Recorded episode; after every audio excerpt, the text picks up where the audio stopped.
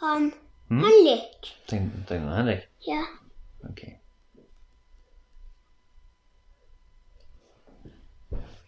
Og han hår. Eh, Henrik har hår, ja. Han, jeg tror du har sagt at han har brunt hår. Men jeg har sagt at han også har brunt. Ja, det tror jeg. Ja, vi kan si at det der er brunt. Men Mm. jeg syns at han har eh, eh, svart hår. Ok. Jeg må lese litt hva du har sagt før. Vi kan ikke skifte hårfarge. Nei. det midt i historien. Han kan jo selvfølgelig farge håret, men Nora eh, På det det var han Klotsak.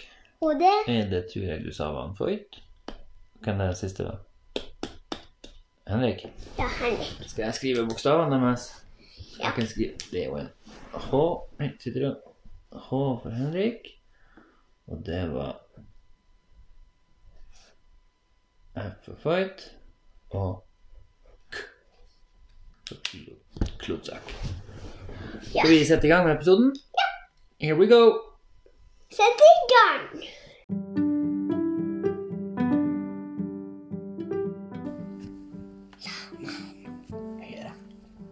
Lamelon, lamelon,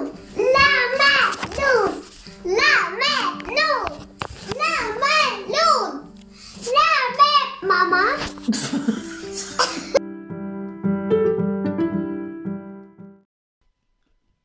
Der er vi i gang. Ja, Velkommen! til Lamelon. Lammelom episode nummer Nei, kan du si det?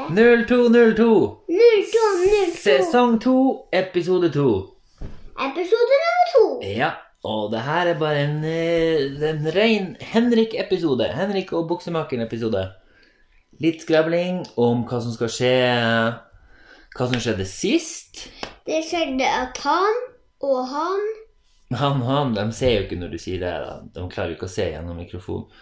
Du peker på en tegning du har laga av han Klotsak. Klotsak Ja, og Voigt ja. og Henrik Og Henrik. De er Egentlig så ser du Du har tegnet en strek mellom han Foyt og han Klotsak. Ja. Men egentlig så burde det være en strek se her. Eller det burde være en sånn et lite sånn, en runding rundt han Henrik. Og så et lite sånn gitter han kan se gjennom her. For dem to, han Foyt og Klotsak, de er jo inne på samme rom. Mhm. Og så ser han Henrik inn dit. Men her inne på det her rommet, mm. der de her to voksne er, pluss han brun og beige, mm. der er det jo nemlig en, mange lamper. Så det er masse lys der. Mens ute i røret til Henrik ser de jo ingen lys. Så han Henrik han kan se inn i det lyse rommet her.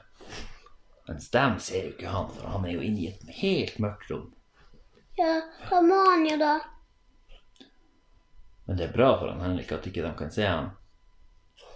Ikke sant? Hva du gjør nå? Lager lys? Ja. Må ikke lage lys, da ser de jo han. Da kommer de jo og tar han. Skru av lyset.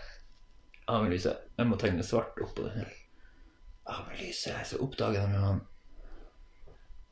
Da. Men du, vi skulle jo eh, Vi må si hva vi heter. Der er liksom! Ah, ok, bort med dem òg. Jeg er den ene programlederen. Jeg heter Erik. Og jeg heter Jeg heter Emrik. Og du er den andre programlederen, min kjære Emrik. Nå skal vi lage et kapittel her Eller ikke kapittel, en episode for eh, kapittel nummer åtte, tror jeg det er. Novelis. Med han Henrik. Og kapitlet vi skal lese i dag, Ja. vet du hva det heter? Ja. Innflytelse. Et spørsmål om skyld. Er det det? Hvorfor det er det?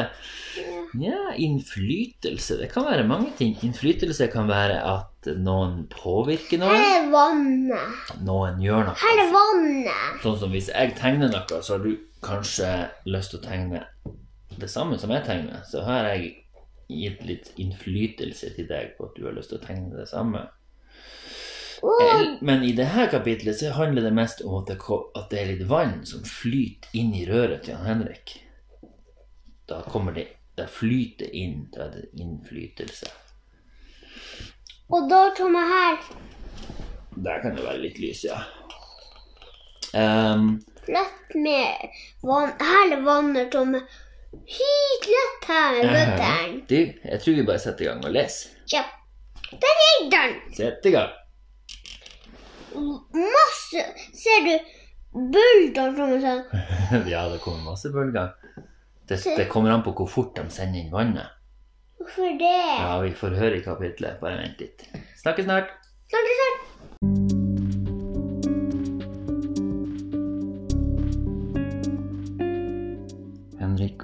Og buksemakeren.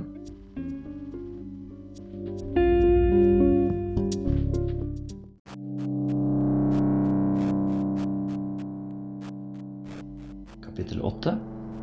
Innflytelse. Et spørsmål om skyld.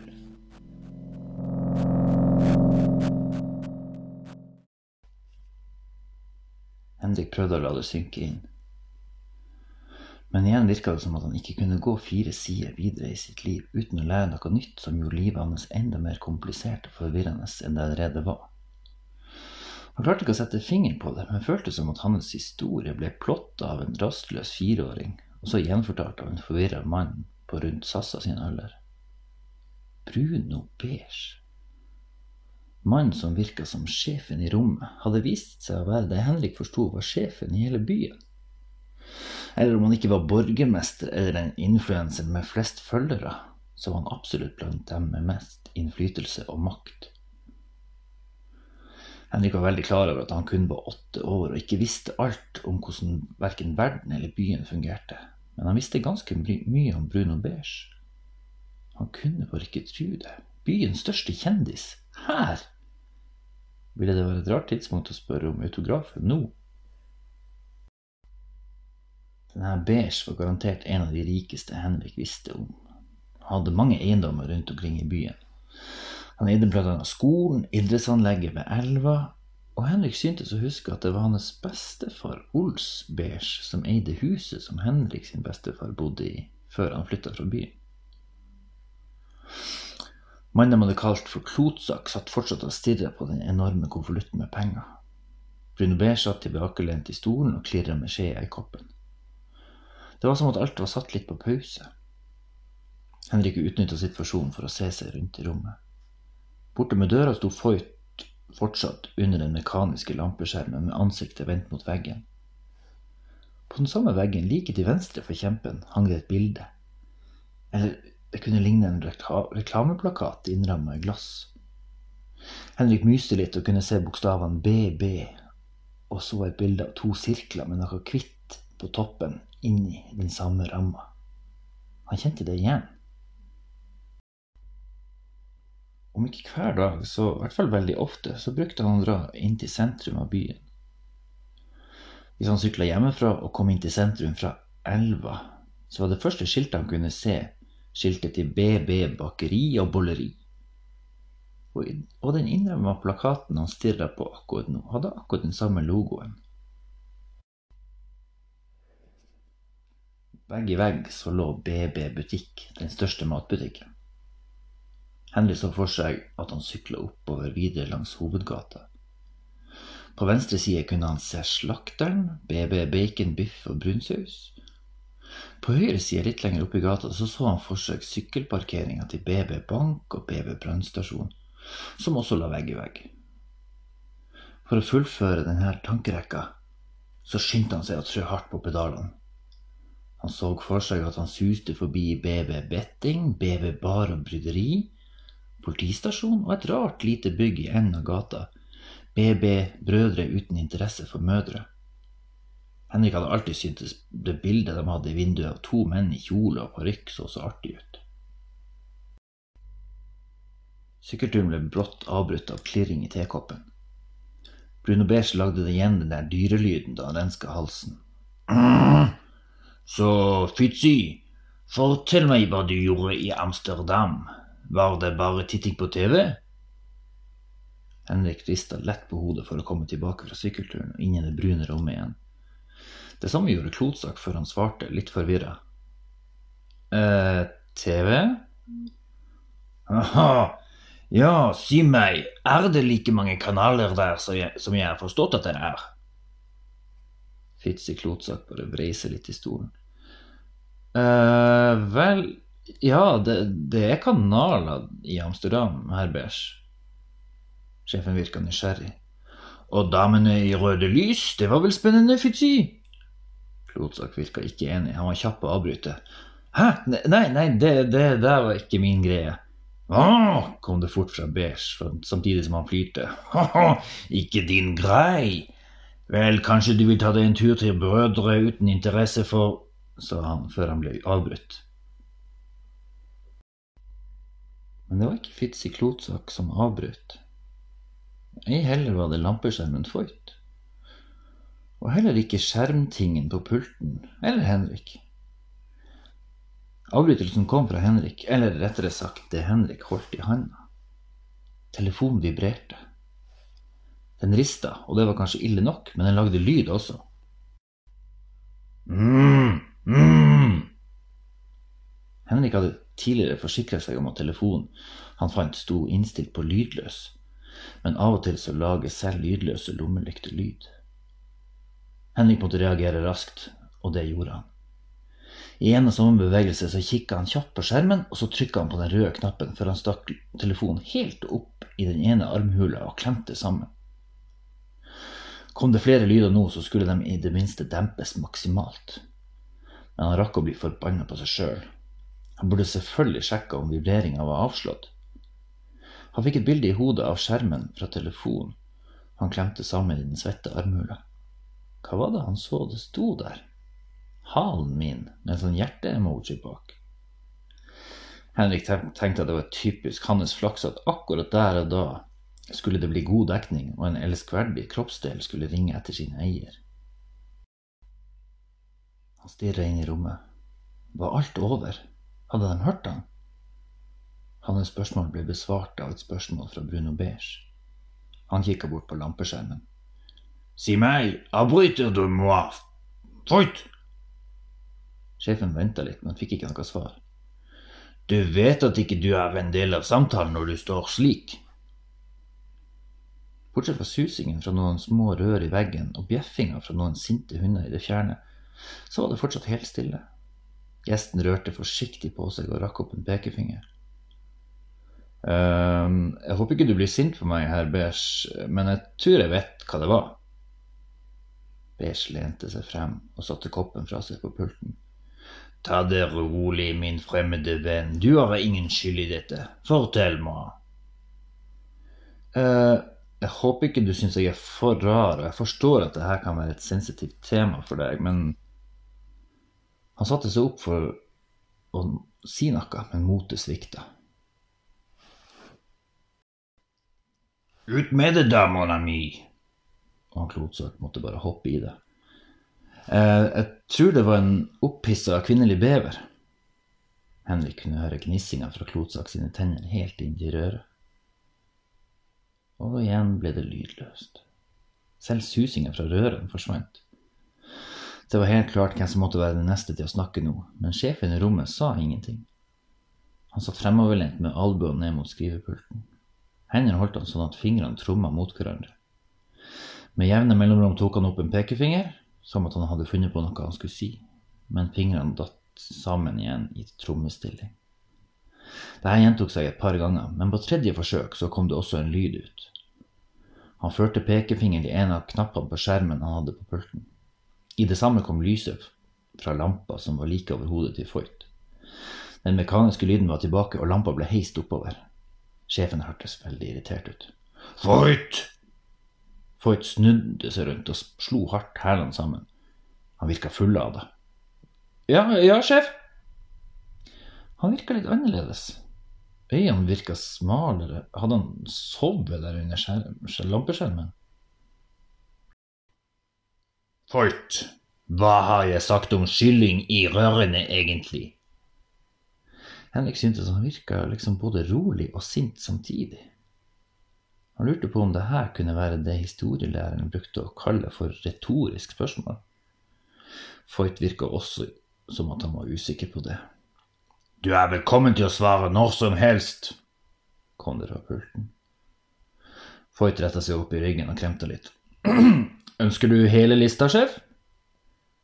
Beige satte beina hardt ned i gulvet. Han røyste seg, satte håndflaten ned på skrivebordet og lente seg fremover mot mannen som sto i givakt. Alt skjedde sakte, men bestemt.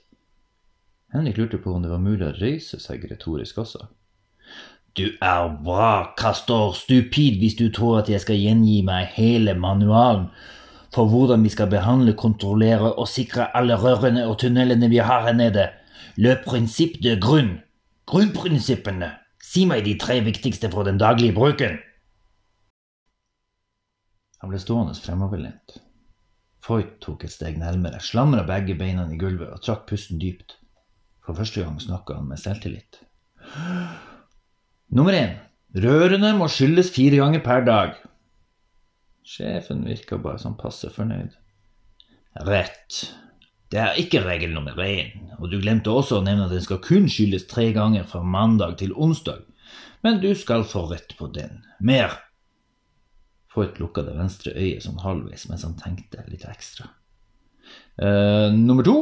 Bruk av hunder under skylling er strengt forbudt ved bruk av kylling inkludert og over grad fire. Det så ut som han forsøkte å stå i ro, men beina klarte ikke å la være å trippe forventningsfullt. Bruno rista lett på hodet. Error. Det er én regel, men ikke en av de tre viktigste. Prøve igjen. Kjempen i givakt trakk pusten dypt. De daglige skyldningene skal skje ved tilfeldige tidspunkt fra dag til dag. Dette fordi de mest vanlige og skjulige inntrengerne, slik som rotter, bevere og hjemløse, ikke skal kunne lære seg et mønster for å kunne snike seg inn. En sakte klapping i økende tempo kom fra mannen ved skrivepulten. Meget bra. Jeg vet at du har vært hos oss i tre år, men det der var incroyable. Très bien. Tre kjappe klapp, og så ga han en håndbevegelse som ba om mer. Foyt kremta og stramma seg opp. Rørene må inspiseres tre ganger i uken av kvalifisert personell. Foyt ble stående med et stivt, men forventningsfullt smil. Den sakte klappinga var tilbake, og fortsatte mens Beige kom med sin dom. Voilà, du er god, min venn, du er fabuleux. Han virka overlykkelig og oppriktig stolt over hjelperen hans men han skifta brått. Klappinga var borte. Så Det får meg til å undre. Du kan alle reglene vi har satt, så da må jeg spørre deg, har du lyst til at jeg skal kaste deg utfor fossen? Jeg mener, er det ditt ønske? Retorisk, ja, det måtte det være. Hva? Nei, sjef, jeg ville aldri Foyt så bort mot Klotsak, mulig etter litt støtte, men han stirrer bare tomt i gulvet. Jeg, jeg, mener, jeg vet ikke hvorfor du sier det der, jeg skylder alltid når jeg skal. Jeg kan ikke svare for Olo og hva han gjør når han er på sitt skift, for da er jeg borte. Men jeg vet at han er til å stole på. Hans far Jeg vet godt hvem hans far var. Jeg vet den familien der er så god som gull. Men siden vi er sikre på hans og hans familie, hvem andre kan vi skylde på da? Freud slapp opp sin stive givakt og gikk, tok et steg nærmere. Men det, er det jeg ikke forstår. Hva, hva er det du beskylder meg for? Hva skjedde? Jeg fikk ikke med meg alt. Jeg sto borte ved lampa og Avbrytelsen kom fort. Vil du si at vår stille venn, sa Beige og nikka lett mot Klotsak, at han er en mann vi kan stole på? Tror du han har kommet hit helt fra alle TV-kanalene i Amsterdam bare for å lyve til moi? Foyt veiva med armene, enten for å vifte bort noen irriterende fluer som Henrik ikke helt klarte å se, eller for å avkrefte noe. Nei, sjef, nei, vi kan stole på Fitzy, det vet jeg. Så le bejeje, forklar meg hvorfor han kan høre vevere der ute, hvis både du og Olo skyller rørene regelmessig. Foyt kikka bort på Klotsak spørrende og fikk et lett nikk til svar. Han stundet seg tilbake til sjefen. Det, det, det, kan ikke være rett. Med all respekt, sa han og kikka bort på gjesten. Men hvordan kan du være så sikker, Fitzy? Det kunne vært luft i de rørene, eller en spion, som jeg trodde jeg hørte. Hvorfor så sikker på at det er en bever? Per satt helt stille. Så kom det et rolig Fitzy fra han, og gjesten våkna. Oi, eh, vel jeg, er ikke sikker, men de lydene jeg hørte, var veldig lik det de kvinnelige beverne lager under paringstida. Jeg mener, jeg, jobber med det. Det er ikke noe rart med det, altså. Ofte har jeg bedre kontakt og forståelse med enkelte bevere enn jeg har med mange kvinner. Altså profesjonelt. eh, Poenget er Jeg tror poenget, eller de point, er noe du bør komme til nå. Før senere.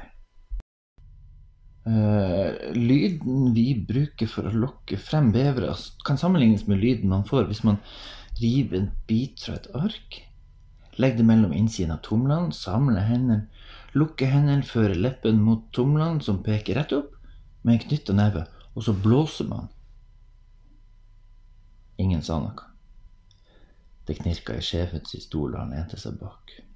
Vel, venner, sa han og strakk ut armene mot skjermen på pulten. Da får vi gi denne lyden, figuren, spionen, dyret, luftlyden en sjanse. Han strakk ut en pekefinger og holdt den pekende ned mot skjermen. Her har jeg et valg. Hvis beveren som du trodde er kan mitt språk, så vil jeg at han skal høre på min munn. Vår spyling har ni nivå, ni grader. Grad 1. hvis jeg trykker på den, så spyles det inn vann med 4% kapasitet i et voldsomt tempo. Jeg har lyst til å trykke på grad 5.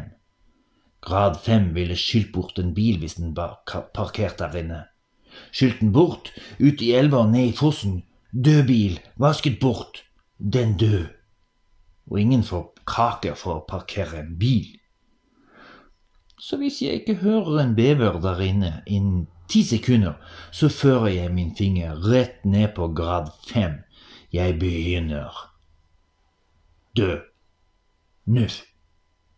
Åtte. Sju. Henrik sto bare og stirra i bakhodet på Bruno Beige. Han kasta et kjapt blikk mot venstre. Han antok det var der det raske vannet ville komme fra. Grad fem av vann skulle komme inn, og det ville være så kraftig at det ville spurt bort en bil hvis den var her. Hvordan kunne han stå imot noe sånt? Henrik var ikke så liten som en bever eller børge, men overhodet ikke like stor som en bil. Men skulle han nå unngå å havne ute i den kalde elva igjen, så måtte han tenke raskt. Han hørte B si seks, samtidig som han kikka seg rundt i røret etter en idé. Det var ingenting å se. Men så begynte han å tenke over hva Klotsak hadde sagt om den beverlyden. Han reiv av seg sekken, stakk handa ned og trakk opp et litt fuktig ark. Timeplan. Den var nok ødelagt uansett. Henrik hørte at mannen der inne fortsatte nedtellinga si. Seks.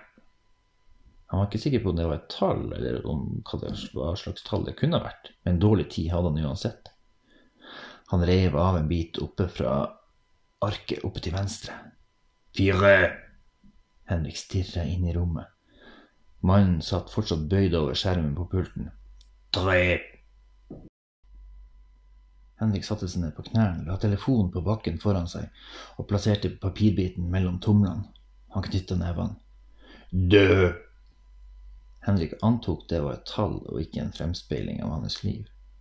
Han fukta leppen, lukka øynene og ba om at han rakk å lage den enkle beverlyden igjen før Beige sa null.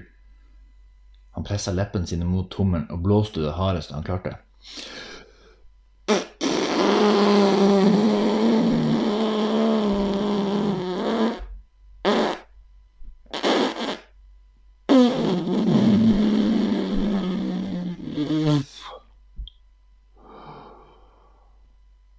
Henrik måtte trekke pusten stille før han klarte å puste letta ut. Han klarte det. Det var den perfekte falske beverlyden. Eller var det ikke? Henrik prøvde hardt, men han kunne ikke høre et eneste pip fra rommet. Forsiktig røyste han seg opp igjen og kikka inn i gitteret. Han forventa å bli møtt av et bakhode, men istedenfor så stirra han inn i ryggen på en brun, lysebrun og brun stripa dressjakke. Beige hadde reist seg opp. Den høyre armen pekte strakt ut mot Klotsak, som satt og gapte stort. Beige brølte mot den gapende. Hva i flokkings største merd var det der? Klotsak sin munn var så åpen at Beige kunne putte inn hele skrivepulten hvis han ville. Mer brøling kom ut. Så svar, var det en flokking svettbever? Hodet som den gapende munnen satt fast i, rista fra side til side. Beige trakk høyrehånda tilbake og dundra den ned på kontrolleren. Her skal det skilles, her kommer grad fem! Henrik stirrer opp i taket. Foyt stirrer opp i taket. Klotsak stirrer opp i taket. Bruno Beige satte seg rolig ned i stolen igjen. I byen der det alltid regna, var det stadig vekk torden lyn, så Henrik, Foyt og Klotsak var vant til høye lyder. Men akkurat nå føltes det som at fru Torden hadde spist noe hun absolutt ikke tålte, og de tre hadde orkesterplass like ved scenen. Ingen av de tre hadde den minste anelse om hva, fra hva grad fem hadde for krefter. Kling, kling, kling, kling, kling, kling, kling, kling, kling, kling, kling, kling, kling, kling. Bruno Beige satt rolig tilbakelent i stolen og så på tekoppen som klinka seg sjøl. De brune, lysebrune lampene blinka. Krafta var enorm. Inni røret kikka Henrik ned mot en raslende lyd. Røret skalv, og tusenvis av gamle telefoner dansa hult og hardt. Henrik la merke til at sekken hans dansa litt, før han over, de, over alle de høye lydene hørte Foyt sin stemme. Han ropte for å bli hørt. Herr Beige, kan du stoppe dette? Jeg har, ikke mye til, jeg har ikke mye til overs for spioner, men hvis det er et menneske der inne, så kan ikke jeg stå her og ikke si noe hvis et menneskeliv skal gå tapt. Det kom ingen svar fra Bruno, men det dundrende språket fra over hodene på dem gikk over til litt rumlende risting litt lenger ned, inn i veggene. Foyt klarte ikke å gi opp. Sjef, tenk hvis du skyller ut en mann som Suget fra virvelvinden kom nærmere. Tredje sja! brølte Bruno ut så høyt og så mørkt at den infernalske lyden fra verdens raskeste vann hørtes ut som melk fra en kattunges mamma. Hvem er det du tror du prater til? Du svarer til moi. Jeg er elven du svømmer i. Jeg er din matpakke. Jeg er både smøret, brødskiven og brunosten. Folk sier at solen står opp, solen står aldri opp. Det er byen som står opp og tilpasser seg til solen som alltid var der. Jeg er solen. Jeg kom aldri hit. Jeg har alltid vært her. Den enorme rumlingen fra vannet fra grad fem kom nærmere og nærmere. Henrik kikka seg desperat rundt etter noe han ikke visste hva var. Han trengte en båt. En bil ville ikke ha hjulpet, det hadde han allerede fått høre. Han snudde seg brått mot venstre. Det kunne høres ut som en gigantisk slange nærma seg. En litt underbitt slange med mer spytt i munnen enn han hadde behov for.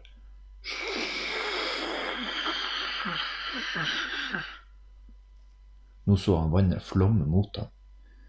Elva hadde kommet inn for å hente han ut igjen. Henrik så opp og innså at alt håp var ute. Han lukka øynene og gjorde seg klar for den våte gjenforeninga.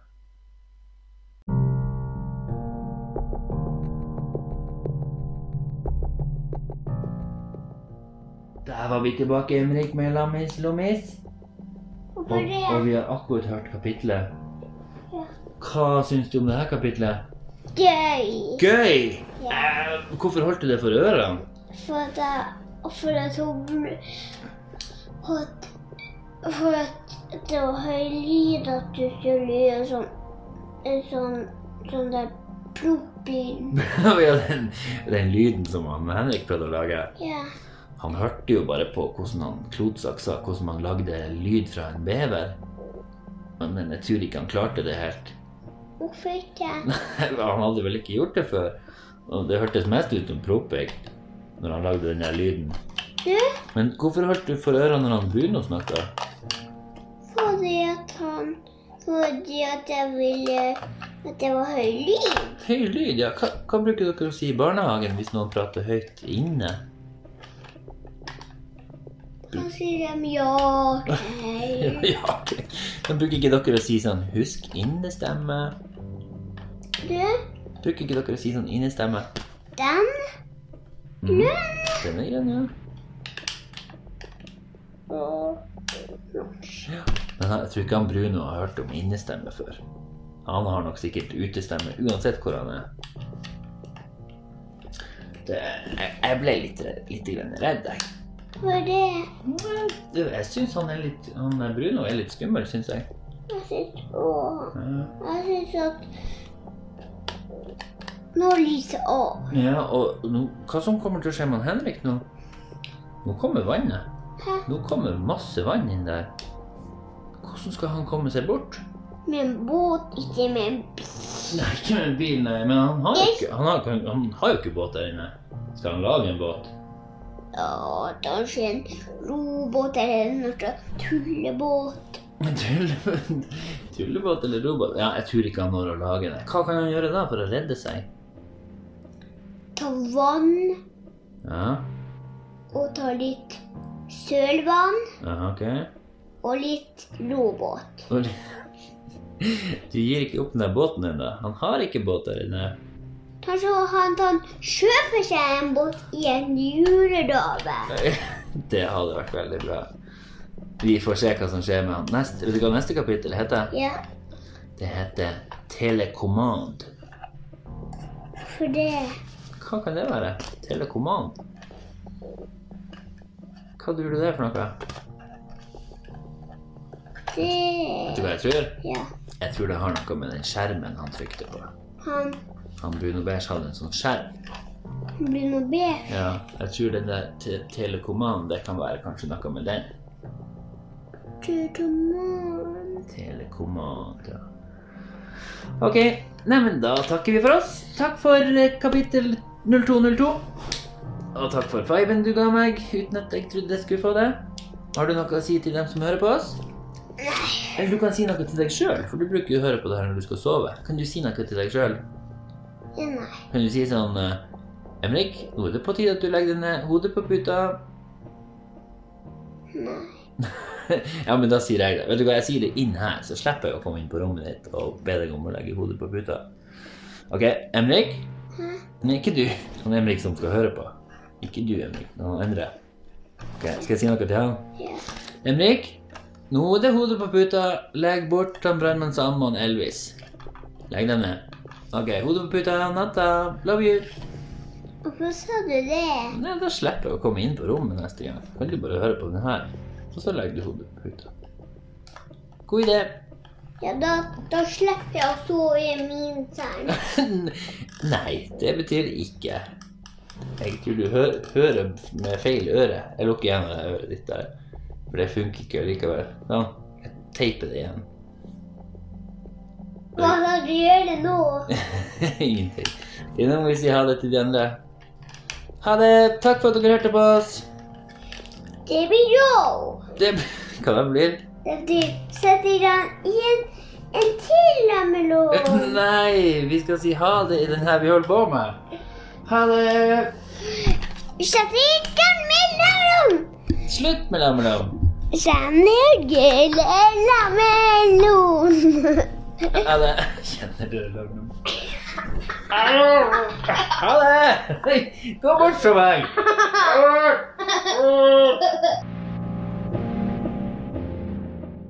This podcast was edited and produced by Snil, Bisc Corporation. Kom hit du. Din Yelab. Art design was made by Una Christina. Saftig. Saftig.